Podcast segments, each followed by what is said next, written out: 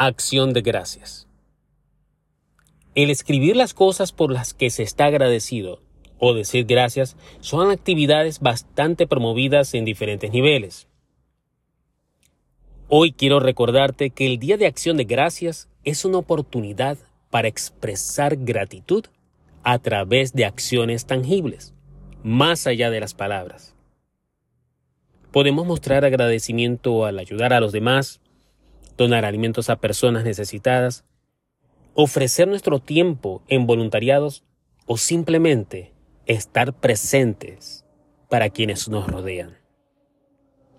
Las acciones solidarias y el servicio a los demás encarnan verdaderamente el espíritu de gratitud de esta celebración, haciendo que el significado trascienda las palabras y se manifieste en medios y hechos concretos que impactan positivamente en la vida de los demás.